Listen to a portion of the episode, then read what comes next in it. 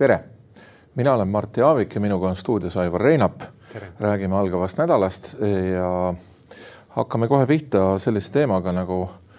eh, valitsuse usaldushääletus, selle valitsuse esimene siis, kui ma õigesti mäletan, ei ole ju ometi olnud no,? esimene hääletus oli, kui Kaja Kallasele anti volitused peaministrina no just. mäletame, et seal Aga... oli talle anti seitsekümmend poolthäält ja kolmkümmend oli vastu vist on ju. jah, isegi oluliselt rohkem, kui valitsuskoalitsiooni liikmeid tollel hetkel oli ja eks me saame siis ka täna näha seda. ja alus on eh, lühidalt ära seletatult siis see, et eh, kui Riigikogus eh, toimub tõrkeid mõne valitsusele olulise seaduseelnõu vastuvõtmisega, siis põhiseadus näeb ette võimaluse, et valitsus seob selle eelnõu oma usaldusküsimusega ja see siis lihtsustab menetluskorda ja no näiteks ei pea läbi hääletama nüüd konkreetsel juhul seitsesadat parandusettepanekut, mida siis on EKRE teinud. ja teemaks on Euroopa Liidu taasterahastu ja vaatamata sellele, et EKRE oli eelmises valitsuskoalitsioonis, kui see taasterahastu mehhanism Euroopa Liidu tasemel kokku lepiti,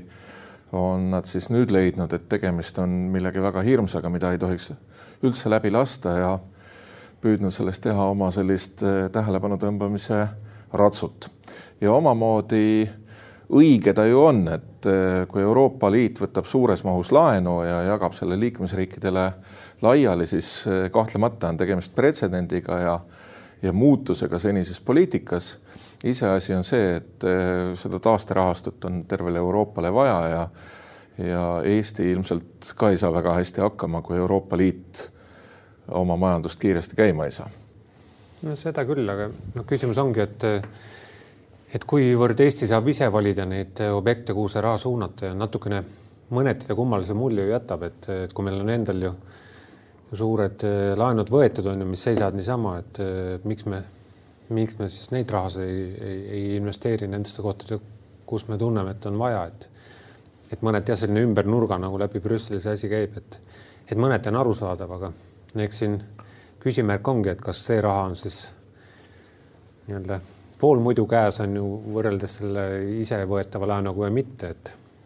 et teisest küljest jälle, kui vaadata suurt pilti, et, et ek, kui vaadata nagu EKRE poliitikat on ju, siis põhimõtteliselt on ju, on selline suur vastasseis praegu ju, ju EKRE ja Reformierakonna vahel, et, et kumma rahapoliitika siis oli nüüd õige või vale või et kas et see diskussioon on Postimehe külgedel ka nüüd suure hooga käimas, et tänases lees samamoodi ju, ju praegune rahandusminister ju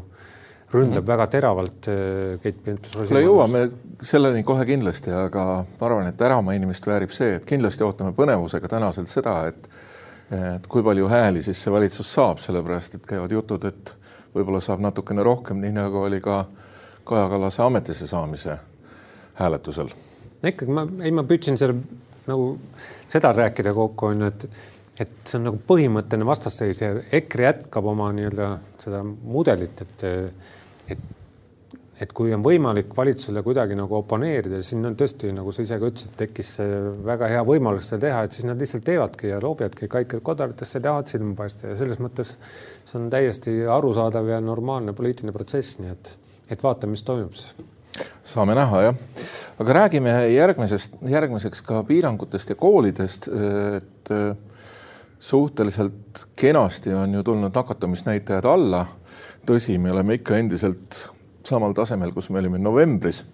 oma selle kahe nädala keskmisega ja ka igapäevaste lisanduvate nakatunute arvudega. aga äh, piirangute leevendamisel ollakse väga ettevaatlikud ja minu meelest põhjendatult vaidle vastu. no selles mõttes on, eks me ootasime, et see langus ju tuleks ju kiirem, et, et saaksime nagu sellest temast lahti, et kui juba hooga hakkas alla minema, et aga paraku ta jättis ikkagi ühel hetkel jäi nagu see seisma ja, ja, ja nakatumine ikkagi püsib, et noh, mõneti on ju aru saada ka, et me, me oleme piiranguid leeve, leevendanud ja kui vaadata kasvõi mis toimus nädalavahetusel ka kaubanduskeskustes, et inimesed ikkagi ju noh kasutasid seda võimalust äh, minna poodi ja osta midagi endale uut ka, et, et pärast neid pikki suletud nädalaid on, et siis on see ka arusaadav, et, et kui sa nagu lased lõdvemaks koolidessegi lapsed, lapsed ja kes võivad seda viirust edasi viia, et, et see on ka loogiline, et see, see nakkuse langus pidurdus ja noh, seda me näeme ja ootame siis põnevusega ka sellelt nädalalt, et millised need piirangute leevendused tulevad. loomulikult on suur küsimus selles, et kas lapsed nüüd väiksemad klassid ja, ja lõpuklassid on küll juba koolidesse lubatud, aga kas siis eh, selles osas tehakse mingisugust olulist muutust, et eh, et kui sellest nädalast veel edasi lükata seda otsustamist, siis võime vist üsna julgelt öelda, et ega sellel aastal enam, sellel õppeaastal enam suurt koolis käimist ei tule enamiku õpilaste jaoks. no suur küsimus on ka tegelikult ju, mis saab lõpetamistest, et ega nii suure masse nagu, nagu veel koroonavabal ajal, et tõenäoliselt ei julgeta ikkagi kokku lasta, et äh, suured saalid inimesi täis kokku kuhjatud on ju, et äh, et nii palju, kui ma olen kuulnud, et pigem püütakse neid äh, nii-öelda hakkida, et klasside kaupa või, või et ei saa teha ikkagi üle kooli suuri, suuri lõpetamisi, et see on ka ju tähtis sündmus, et, et noored saaksid ikkagi koos ära no,, ära no, saata oma kooliaja nagu. mõtleme ühele lihtsale võrdlusele lihtsalt, et kui eelmisel aastal see reaktsioon oli väga valulik ja väga range ja väga julm ka mõnes mõttes, eks ole, lootuses, et saada siis suveks täielikult koroonavabaks, mis peaaegu et juhtuski või no sisuliselt juhtus, siis eh, sellel aastal eelmise aasta kogemusest eh, õppust võttes on katsutud kuidagi teistmoodi, nii nagu Jüri Ratas ja president ja, ja toonane Riigikogu esimees Henn Põlluaas meile ka siin sügise otsa reklaamisid. ja see tase, mis me rääkisime, et on alla tulnud, on ikkagi kordades kõrgem, kui ta oli eelmisel aastal samal ajal, nii et äh, mõtlemisainet siin jagub. mulle ikkagi tundub, et et see suur poliitika või see nagu märgid näitavad, et äh, tahetakse anda signaale, et see, see ei lõpe ära, on ju, et ei lõppe see suve lõpuga ära või, või kui me oleme ka vaktsineerinud ka kuuskümmend või seitsekümmend protsenti elanikkonnast, et et tundub, et ikkagi valmistutakse nüüd juba pikemaks lahinguks, et, et esimesed signaalid juba, juba on tulnud, et et ühiskonda püütakse selleks nagu valmis, valmistuda ette, et, et selles mõttes on, on, on ka oluline, et, et oleks strateegia, kuidas selle, sellises olukorras käituda, et, et ka tänas Postimehes on ju viited selgelt olemas, on ju ka juhtkirja tasemel, et, et tuleks ikkagi kiiresti ventilatsioonid koolides üle vaadata ja, ja, ja olla valmis selleks, et sügisel muidu istume jälle kodudes. no selle üle on hea meel, et eh, lõpuks hakkab kohale jõudma see, mida on tegelikult ju ka aasta otsa räägitud, et kui ma mõtlen tagasi eelmisele kevadele, siis eh, üsna vahetult peale eriolukorra kehtestamist oli meil üks eh, Postimehe Teaduste Akadeemia nõukoda, kus sellest samast ventilatsiooni küsimusest ka põhjalikult ja asjatundlikult akadeemik Kurnitski rääkis ja ma saan aru, et on ka seda juttu rääkinud väga paljudes kohtades ja nüüd lõpuks hakkab siis midagi äkki liikuma, aga väga kindel selles ka olla ei saa. aga kuulutasime pealkirjas välja, et äh, räägime maksudebatist ja enne imet äh, maksudebatt ongi alanud ja selle põhjus on kahtlemata ju see, et äh, meil ei ole mitte ainult kriisiaegsed mõjud, vaid meil on ka riigieelarve, ütleme avaliku sektori eelarvete struktuurne miinus mis siis seda tingibki, et no ongi kaks võimalust, et kas sa tõmbad kulusid kokku või, või leiad tulusid juurde selleks, et eh, asi oleks enam-vähem balansis. eks meil ju ennem koroonakriisi oli juba probleemid majas, et, et oli ju problemaatiline neid eh, riigiametit, ametite palku tõsta, ma ei tea, õpetajate, meditsiinitöötajate ja päästjate ja, ja kellel veel on ju, ja samal ajal püüda nagu seda eelarvet tasakaalu poole viia, et nüüd, kui koroonakriis pani sinna veel suure paugu otsa ja me peame hakkama neid koroonalaene ka tagasi maksma ühel hetkel, et et siis see teravdab seda olukorda veelgi, et noh, ühiskonnas on küll üha rohkem hakanud kõlama väited, et on, et miks see laen ikkagi ära ei ole, et võtame, et miinusintressid on ju, võtame laene ja meile makstakse veel raha, raha kasutamise eest peale, et et miks me oleme lollimad kui kogu muu Euroopa, et et selles kontekstis on muidugi keeruline üldse maksudebatti hakata nagu ajama, kui me isegi aru ei saa, et kas meil on probleem või ei ole probleem, et kas probleem on see, et, et me kulutame palju või probleem on see, et me laename liiga vähe, on ju, et siin noh, kõlavad täiesti sellised nagu diametraalselt vastupidised seisukohad. Eks, aga küsimus on ju alati selles, et mis sa selle rahaga teed, mis sa saad, ükskõik, kas tegemist on laenuga. ja kui me räägime maksudebatist, siis see ju lõppkokkuvõttes tähendab seda, et eraisikutele, meile kõigile ja ettevõtetele jääb vähem otsustusvabadust ja rohkem otsustusvabadust on või rohkem ressurssi on siis avalikus sektoris, riigil ja omavalitsustel. et see põhiline loogika ju sellest ei muutu, et isegi kui ennustatakse suurt inflatsiooni, mis ka ei ole midagi imelist eh, kellegi jaoks, kellel on mingid säästud, eelkõige vanema põlvkonna jaoks, eh, kes on juba niisugust aktiivsest tööelust lahkunud või, või välja minemas eh, ja ise väärtust enam vahetult ei genereeri. loomulikult nad elavad ju säästude pealt ja selle pealt, mida ühiskond pensionide näol neile maksab. et äh, inflatsioon on ikkagi nähtus, mis lööb kõige nõrgemaid alati ja see ju ei muutu. et eh, noh, iseasi on see, et, et kas eh, tõepoolest tuleks seda keskkonda hinnata niimoodi, et, eh, et kõik lähebki euroga halvasti ja tuleb väga suur inflatsioon, mis sööb siis selle laenu väärtuse ära. ma saan aru, et lihtsustatult see mõte on umbes selline neil väitjatel, kes räägivad, on suured laenu apologeedid. just, just aga ta, noh, mulle meeldis, et eh, kas Eesti Panga esindaja eh, nädalavahetusel kommenteeris seda näiteks Estonia juurdeehituse küsimust sellise mõttega, et et me ehitame praegult näiteks suuri objekte, on ju, tundub küll nagu investeeringud on ju, tulevikku panustamine, aga me unustame ära, et on nende erinevate suurte ehitistega kaasnevad alati ka kulud on ju, et ja kui need kulud ei lähe mitte väiksemaks, on ju, et tavaliselt investeering eeldab, et et asi läheb efektiivsemaks või, või, või säästlikumaks on ju, meil on vähem kulusid, aga siin kipub, kipub ikkagi olema niimoodi, et et me tekitame veel suuri kulusid veel peale ka, et ehitame selle maja valmis, aga pärast on vaja selle maja ju käibel hoida, et seal on vaja inimesi, on vaja seda kütta ja kõike muud, et et kas me oleme seda kõike nagu arvestanud, et pärast, pärast meil on jälle sellised suured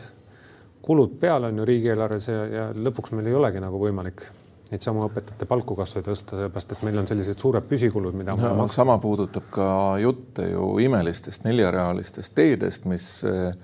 ühe korraga Eesti elu heaks teevad. no ka neljarealised teed ju vajavad pidevat hooldust. Eh, üks, mis ei ole päris teemasse, aga mille üle ma alati imestan, et kui Rail Balticu vastased räägivad sellest, kuidas Rail Baltic lõikavat Eesti kaheks niimoodi, et Lääne-Eestis tekivad mutantkarud ja mutantpõdrad, sellepärast et nad ei saa oma muude liigikaaslastega kokku, siis maanteede ehitus tänapäevas mõttes ju tähendab täpselt sama, ehk siis äh, põhimõtteliselt kogu maa tarastamist.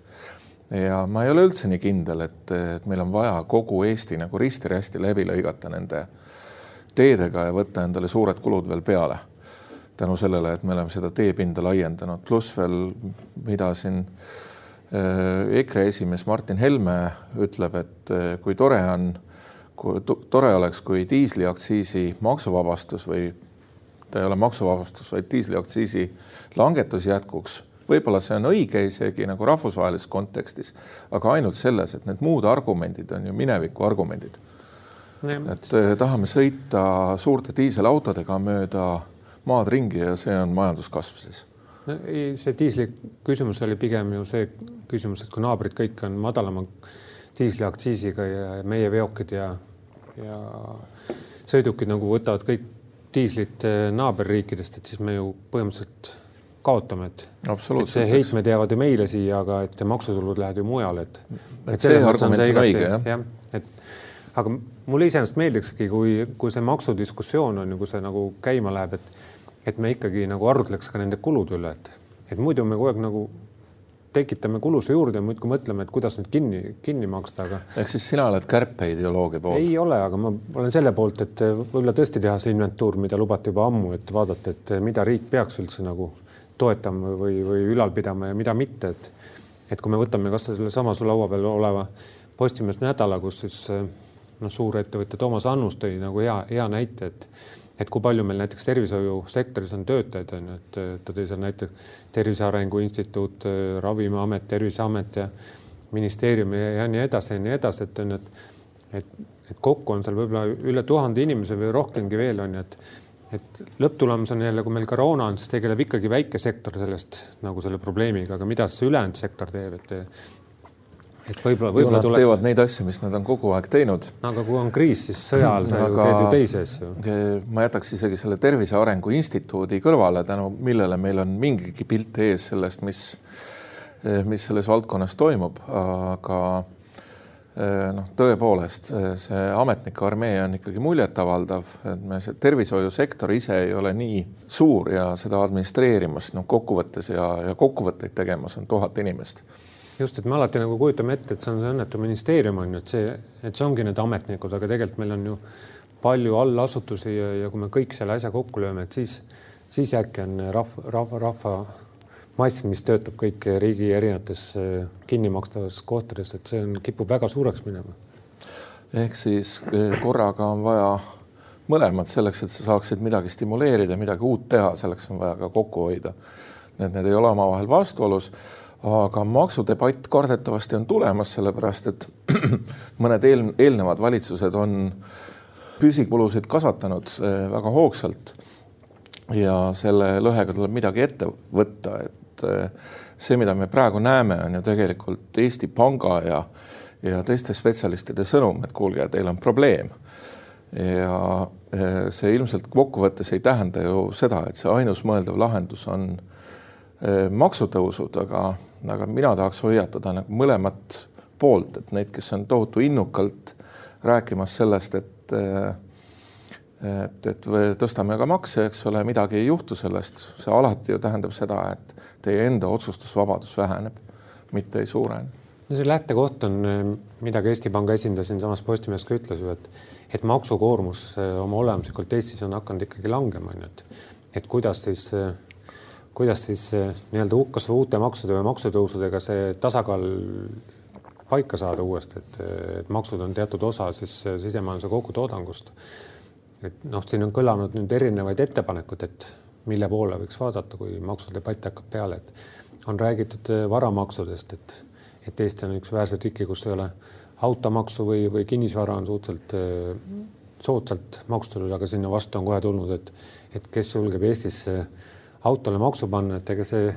valimistel palju hääli ei saa või rääkimata kodu, kodu maksustamist, et see on olnud, olnud ju ka pikka aega meie parteide nagu see lähtekoht, et, et kodualune maa või võiks olla. no võtame seda, et Isamaa enam ei mäletagi, mis ajal üks äh, tähtis valimislubadus ja, ja muutus oligi see, et äh, teatav hulk ruutmeetreid siis krundil ja, ja sisuliselt korterid vabastati maamaksust, kui tegemist on sinu koduga. Eh, ehk siis seda on meile väga kõvasti sisendatud. mina ise olen ka automaksu vastu just selle tõttu, et missugune on meie asustusgeograafia. Eesti on eh, hõredalt, aga suhteliselt ühtlaselt asustatud maa ja me ju ikka tahame, et, eh, et maakohad päris tühjaks ei voolaks inimestest. aga noh, tõenäoline, kõige tõenäolisem koht ongi needsamad varamaksud ehk siis äh, Eh, midagi hakkab juhtuma maa maksustamisega ja, ja tõenäoliselt ka siis kinnisvara maksustamisega ja võib-olla veel nipet-näpet midagi, aga noh, selge on see, et see ei juhtu homme. no kõlanud on, ka siinsamas Postimehes ju kõlas see väide, et ikkagi ettevõtluse tulumaks on meil ikkagi proportsionaalselt väga väike, et meil on, meil, meil seda küll makstakse, on ju, aga mitte noh, samal kujul nagu teistes riikides, et et siiani on seda toodud Eesti nagu maksusüsteemi ühe eelisena, et miks siia peaksid tulema suured ettevõtted või, või peakontorid, et, et meil on see nii-öelda investeeritud, investeeritud tulu ei pea siis maksustama, et aga, aga noh, ka nüüd kõlavad, et, et ega me mujalt seda raha juurde ju tekitada väga ei saa, et tööjõumaksud on meil niigi kõrged, et sinna väga nagu peale ei pane, et et käibemaksu tõstmine on muidugi kõige lihtsam variant, aga ega see ka õnne, õnne õuele ei too, et, et pigem mulle tundub, et hakatakse sinna ettevõtte tulumaksu poole vaatama, kui, kui ei suudeta selgeks teha, et mis kasu see olemasolev süsteem toob, kuigi on raske muidugi ette näha, et, et Reformierakond, kes selle nii-öelda ettevõtte tulumaksusüsteemis ja ka tõi, et ta hakkab seal ise nagu, nagu ka lõhkuma. No muidugi tuleb meeles pidada ka seda, et äh, tihtipeale sellistes äh, köögilauavaidlustes inimesed ütlevad, et meil ettevõtte tulumaksu üldse ei olevat mis ei vasta ju tõele, et ettevõtte tulumaksu kogutakse mitte halvasti, aga kogutakse lihtsalt natukene teisel hetkel, kui, kui siis see kasumi tekkimise aasta. ja ma kõrvalpõikena lihtsalt meenutan ka neid aegu, kui meil veel oli selline traditsiooniline ettevõtte tulumaks, ega siis see ei olnud ka midagi nagu imelist või, või keegi kujutab ette, et siis ei üritatud makse optimeerida. vastupidi, et äh, olen näinud ka korduvalt, kuidas äh, siis aasta lõpus mõeldakse välja mingisuguseid kulusid, tehakse kontoriremonte ja muid asju, et et kui seda kirvemeetodil tagasi tuua, siis tulevad ka need pahed tagasi. aga loodame, et see maksudebatt saab olema sisukas ja riigi kulude debatt äh, ka sisukas loodame väga, aga, aga liiga palju loota ei julge. ja räägime viimase teemana ka seda, et Postimehe nädalavahetuse pakett on saanud uue näo. ja ongi meil siis selline väljaanne Postimees Nädal. sellest on füüsiliselt alles, mis meil varem oli lisade näol, siis arvamus ja kultuur ehk siis ta on kahest vihikust koosnev ja tegelikult laias laastus kõik olulised osad, mida me lugejad on armastanud, on ju seal endiselt olemas. jah, Carteri pool on tegelikult ju seal selle esimese poole lõpus, et et mulle tundus küll, et, et see õnnestus täielikult, et, et see eesmärk oli ju ju ka lau, lauplast lehte nagu, nagu tugevdada või võimendada, et näidata, kui palju sisu seal on, et ja, ja minu meelest see täitis oma eesmärgi, et et siia on koondatud paremad lood, et siin on spets valik, mida ikkagi nädal aega on, on tehtud ja valitud, et, et ei ole, ei ole juhuslikud lood, nii et, et ma usun, et,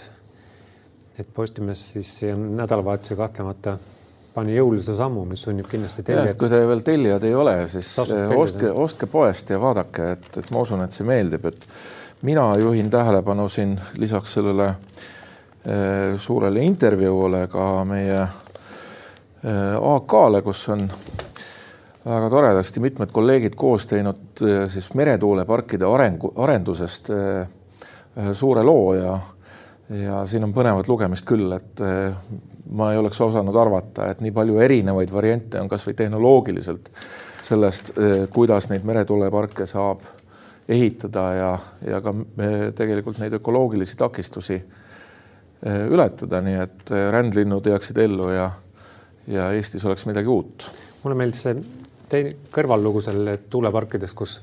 kus ju tuleb välja, kui lugeda on ju, et, et kõik asjad on võimalikud, kui peaasi, et keegi selle kinni maksab, on ju, et, et Euroopa Liit peaks kinni maksma siis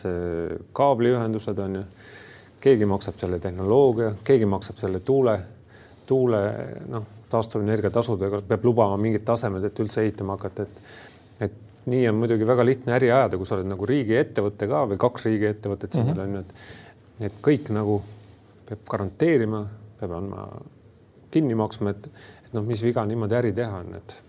no nii ta on jah, aga neid tuuleparkide arendusi on veel lisaks Eesti Energia ja Örstedi omale ja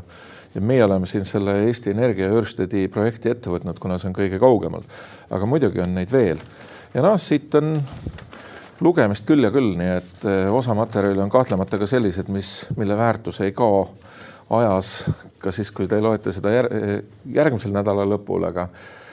aga ostke ja vaadake ja, ja hakake tellijaks, nii et eriti suvel ma kujutan ette, suvilas on väga mõnus lugeda ja vihmastel õhtutel. Tõmbame joone alla,